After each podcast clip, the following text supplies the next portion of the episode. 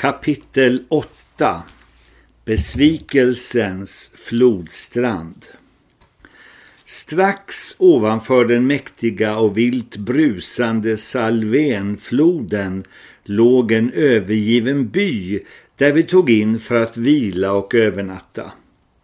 Alla invånarna hade av fruktan för de framryckande japanerna lämnat sina hem och flytt till de mindre byarna på bergen. Den stora byn gjorde ett ödsligt intryck. Ingen levande varelse syntes till med undantag av en och annan flykting som med dröjande steg sökte efter ett lämpligt hus att ta in i. Många av husen var förfallna och knappast beboliga och i andra luktade det as. Vi hade turen att få plats i ett ännu ej färdigbyggt hus på en stor bondgård där många andra flyktingar också slagit sig ner. Till all lycka hade inte bonden hunnit forsla bort sitt förråd av ris. I magasinet låg riset meter djupt på golvet och hela strömmen av flyktingar fyllde här sitt behov för dagen och för den närmaste framtiden. En dag kom bonden ner till byn och vi fick då tillfälle att ersätta honom för det ris som vi tagit. En kinespojke och jag skalade vårt ris i en risstöt. Det gick till så att ris med det hårda skalet tömdes i en urholkad vedkubb som till formen liknade en upp- och nedvänd stormhatt. I ena ändan på en lång bom som vägde över en stång satt en stor träklump som kunde fås att rytmiskt falla tungt ner i det med ris fyllda hålet genom att bommen hävdes upp och ner. Kinespojken och jag stod vid andra änden av bommen som vi med foten trampade ner och hastigt släppte upp igen i snabb följd. Den stora bommen verkade som en jättestor hammare som oupphörligt föll ned på riset i det urgröpta hålet. När riset var skalat skulle det också fläktas i ett stort såll. I flera timmar var vi sysselsatta med detta arbete och skaffade oss så förråd för flera dagar framöver. Många gånger välsignade vi i våra hjärtan bonden som lämnat sitt ris kvar på gården. Medan vi låg där i byn och njöt vilan kom en liten pojke på 12-13 år fram till oss och frågade oss på engelska Såg ni honom som satt där uppe i backen? Menar du honom med de utländska kläderna som satt hopkrupen mitt på stigen utan att vare sig höra eller se? Ja, mitt i den leriga, hala backen. Det var min bror. Han är död nu. Pojken sa inte mycket mera, men han tittade på oss med stora, sorgsna ögon. Detta lilla okonstlade samtal öppnade utsikten mot en hel värld av lidande och smärta. Han var inte ensam i sin sorg, denne pojke. Många led med honom under krigets förbannelse i en ond värld. Vår avsikt var naturligtvis inte att stanna länge i den lilla byn men vi behövde så väl vila ut något efter de föregående dagarnas strapatser. Den ständiga osäkerhetskänslan lämnade oss emellertid inte. De två dagar som vi låg stilla i byn planerade vi för framtiden och sökte skaffa oss upplysningar om lämpliga färdvägar, övernattningsställen, avstånd med mera. Några kinesiska tjänstemän anställda i den engelska tullen i Tengie hade kartor med sig och vi jämförde med vår egen karta och rådgjorde tillsammans om vilken väg som vore lämpligast. På en punkt var vi ense. Vi måste på något ställe gå över Salvenfloden. Någon kilometer nedanför den by där vi nu uppehåller oss fanns ett färgställe men den lilla färgbåten hade inte varit synlig på några dagar. Orsaken till det var inte fullt klar. Olika rykten var i omlopp. Det troligaste var dock, som många också sa, att båten på de kinesiska myndigheternas order blivit sänkt för att den inte skulle falla i japanernas händer och dessa så skulle få ett möjlighet att på ett bekvämt sätt gå över floden. Någon hade dock lovat att skaffa fram båten eller i annat fall bygga en liten flotta och så hjälpa de många flyktingarna att komma över till andra stranden.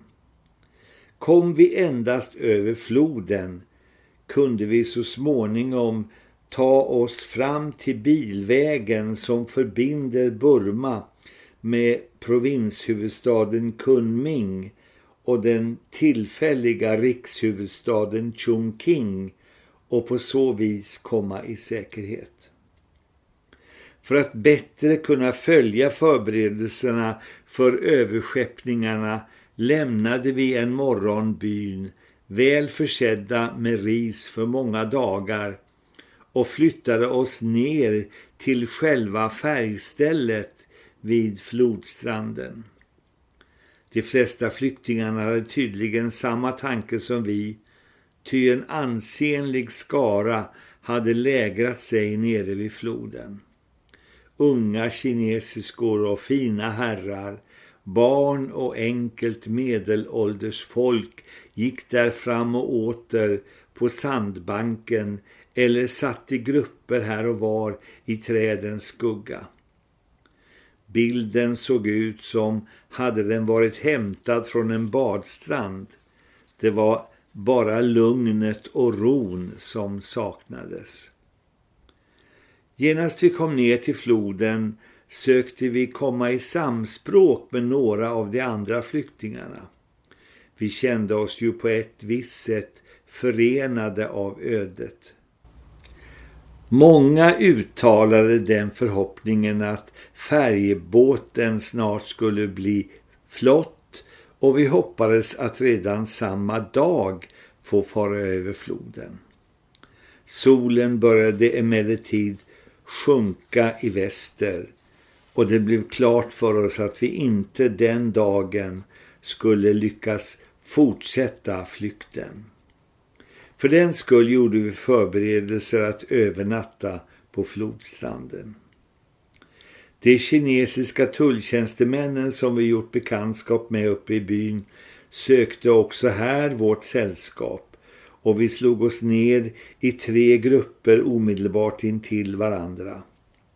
Dessa kineser hade sina hustrur och barn med sig samt en stor utrustning som de strött omkring sig på stranden.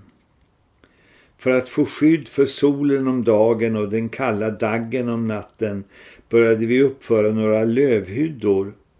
Med en liten handyxa högg jag buskar och små träd i skogen strax intill. Några stänger stöddes mot en hög jordvall och över dessa las andra stänger på tvären. Detta nätverk av stänger täcktes sedan med lummiga grenar och kvistar så att ett ganska tätt tak bildades. På marken ströddes avrepade löv och avskurna små kvistar. På så sätt fick vi en ganska mjuk och torr bädd där inne. Ganska lång tid åtgick för uppförandet av dessa lövhyddor och många små buskar måste huggas ner och bäras fram. Under denna ivriga sysselsättning råkade jag förlora min reservarpenna som jag på ett sådant sällsamt sätt lyckades ta tillbaka från den fräcke och hänsynslöse japanske soldaten i Tengye. Den skulle alltså till slut ändå gå förlorad. När mörkret fallit på var allt i ordning och vi kunde gå till vila i de provisoriska kojorna. Med solens uppgång började åter ordandet och ordnandet. Någon föreslog att en insamling skulle göras bland de intresserade flyktingarna och för den sålunda insamlade penningsumman skulle man så låta någon av ortsborna bygga en stadig flotte på vilken vi kunde fara över floden. Vi svenskar var givetvis med på förslaget och lämnade också en del pengar men något flottbygge för vår räkning kom dock aldrig till stånd. Även i detta var kinesen sig lika. Han är snar att fatta beslut men sen att sätta dem i verket. Oräkneliga är de pengar som samlats in bland fattiga och rika för något allmännyttigt ändamål som vägbygge, elektrifiering, uppförande av sjukhus men som sen aldrig kommit längre än till initiativtagarens och insamlarens ficka. Bland de några hundra flyktingarna på stranden befann sig också en grupp kinesiska soldater och vi väntade oss att den skulle vidta några åtgärder för att flotta över de arma oroliga människorna. Befälhavaren lät också förfärdiga en liten rank bambuflotte på vilken han själv skulle företa överfarten för att på andra sidan efterforska den försvunna färgbåten. Med spänning och oro följde vi hans förehavande. Flotten var färdig och man drog ut den i vattnet på en plats där strömmen på grund av flodens krökning sög ut mot flodens mitt och över mot andra stranden. Vi kunde inte annat än beundra den lilla officeren som ville ge sig in på vågspelet. Han hukade sig ner mitt på den knappt en meter breda flotten som gungade och krängde under hans tyngd. Flotten stöttes ut och sögs med av den strida strömmen. Den skälvde och guppade allt eftersom farten ökade. Officeren höll sig krampaktigt fast i kanterna för att inte slungas av. Med en våldsam fart fördes flotten ut mot flodens mitt. Vattnet fräste och skummade. Det sköd som i en häxkittel. Med återhållen andedräkt följde vi den ensamme mannen på de smäckra bambustängerna med våra blickar. Varje stund väntade vi att den ranka flotten skulle kantra eller bryta sönder av vattenmassornas våldsamma kraft. Som en pil sköt en fart mitt i strömfåran och fördes hastigt neråt floden. Så som väntat drev dock strömmen in mot land på andra sidan och vi såg hur flotten bars längre och längre bort och så småningom närmade sig andra stranden. Farten saktade av och slutligen stötte flotten mot land. Den modiga officeren hade alltså fullföljt överfarten av den strida vattenrika floden som på detta ställe var omkring ett par hundra meter bred. Vi drog en lättnadens suck när vi såg honom stiga upp på andra stranden. Skulle han lyckas att få fatt på båten och så bringa oss alla räddning. Ganska lång tid förflöt innan han uppenbarade sig igen och efter en lika riskabel färd på floden åter stod på vår sida. Hans budskap var dock allt annat än hugnesamt. Båten var fylld med stora stenar och låg på flodens botten nära andra stranden. Att få den flott igen skulle tarva mycket arbete och ta lång tid i anspråk. Kanske skulle japanerna hinna upp oss medan vi låg här i väntan. Hela dagen förflöt så under bestyr och funderingar. Solen sken från en molnfri himmel och dess strålar lekte på det rörliga vattnet. Knappast ett löv rörde sig i skogen. Allt var lugnt och stilla. Under lyckligare omständigheter skulle detta lägerliv vid floden ha varit enbart angenämt men så som det nu var var det omöjligt att njuta av livet och tillvaron. Allt var för osäkert. Fienden kunde överraska oss och vad skulle då hända? Vilket skulle bli alla dessa flyktingars öde? Otillfredsställda och besvikna över dagens händelser fick vi gå till vila ännu en natt i vår lövkoja. Vyssad till sömns av flodens brus lämnade jag snart det vaknas värld och njöt en sund sömns vila och vederkvickelse. Följande morgon visade lägret samma ansikte som dagen förut. Människor gick eller satt håglösa på stranden och spanade ibland bortåt vägen varifrån japanerna kunde väntas. Våra kinesvänner gick där halvnakna och tvättade och lagade mat. De såg bekymrade och oroliga ut.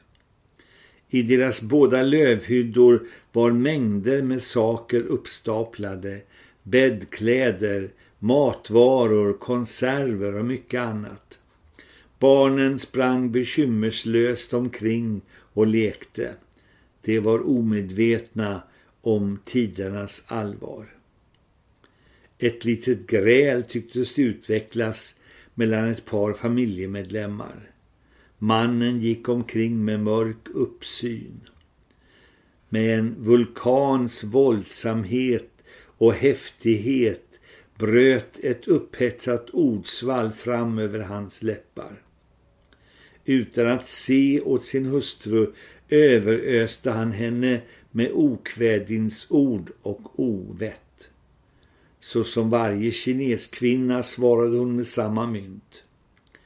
De andra kineserna såg missbelåtna ut och undvek att lägga sig i grälet som nådde sin höjdpunkt då den uppretade mannen tog spädbarnet från sin hustru och ville dränka det i flodens vatten. Modern tycktes fullkomligt oberörd och lät honom hållas. Men då ingrep de andra tulltjänstemännen. De tog barnet och mannen ledde det med våld tillbaka från vattnet och försökte på allt sätt lugna honom. Han lät också slutligen övertala sig och försonade sig med sin hustru. Så var allt sig likt igen i flyktinglägret på flodstranden.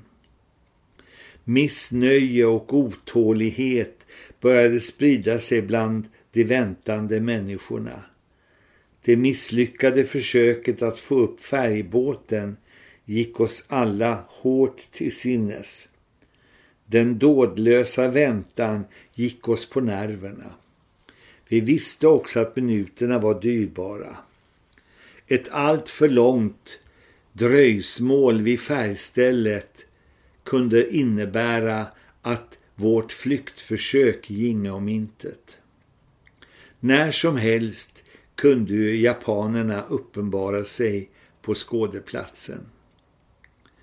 Vi reflekterade flera gånger på att fortsätta vandringen norrut längs floden till nästa färgställe. Men för att bespara oss flera dagsmarscher dröjde vi kvar i det längsta och närde en svag förhoppning att slutligen på något sätt komma över floden.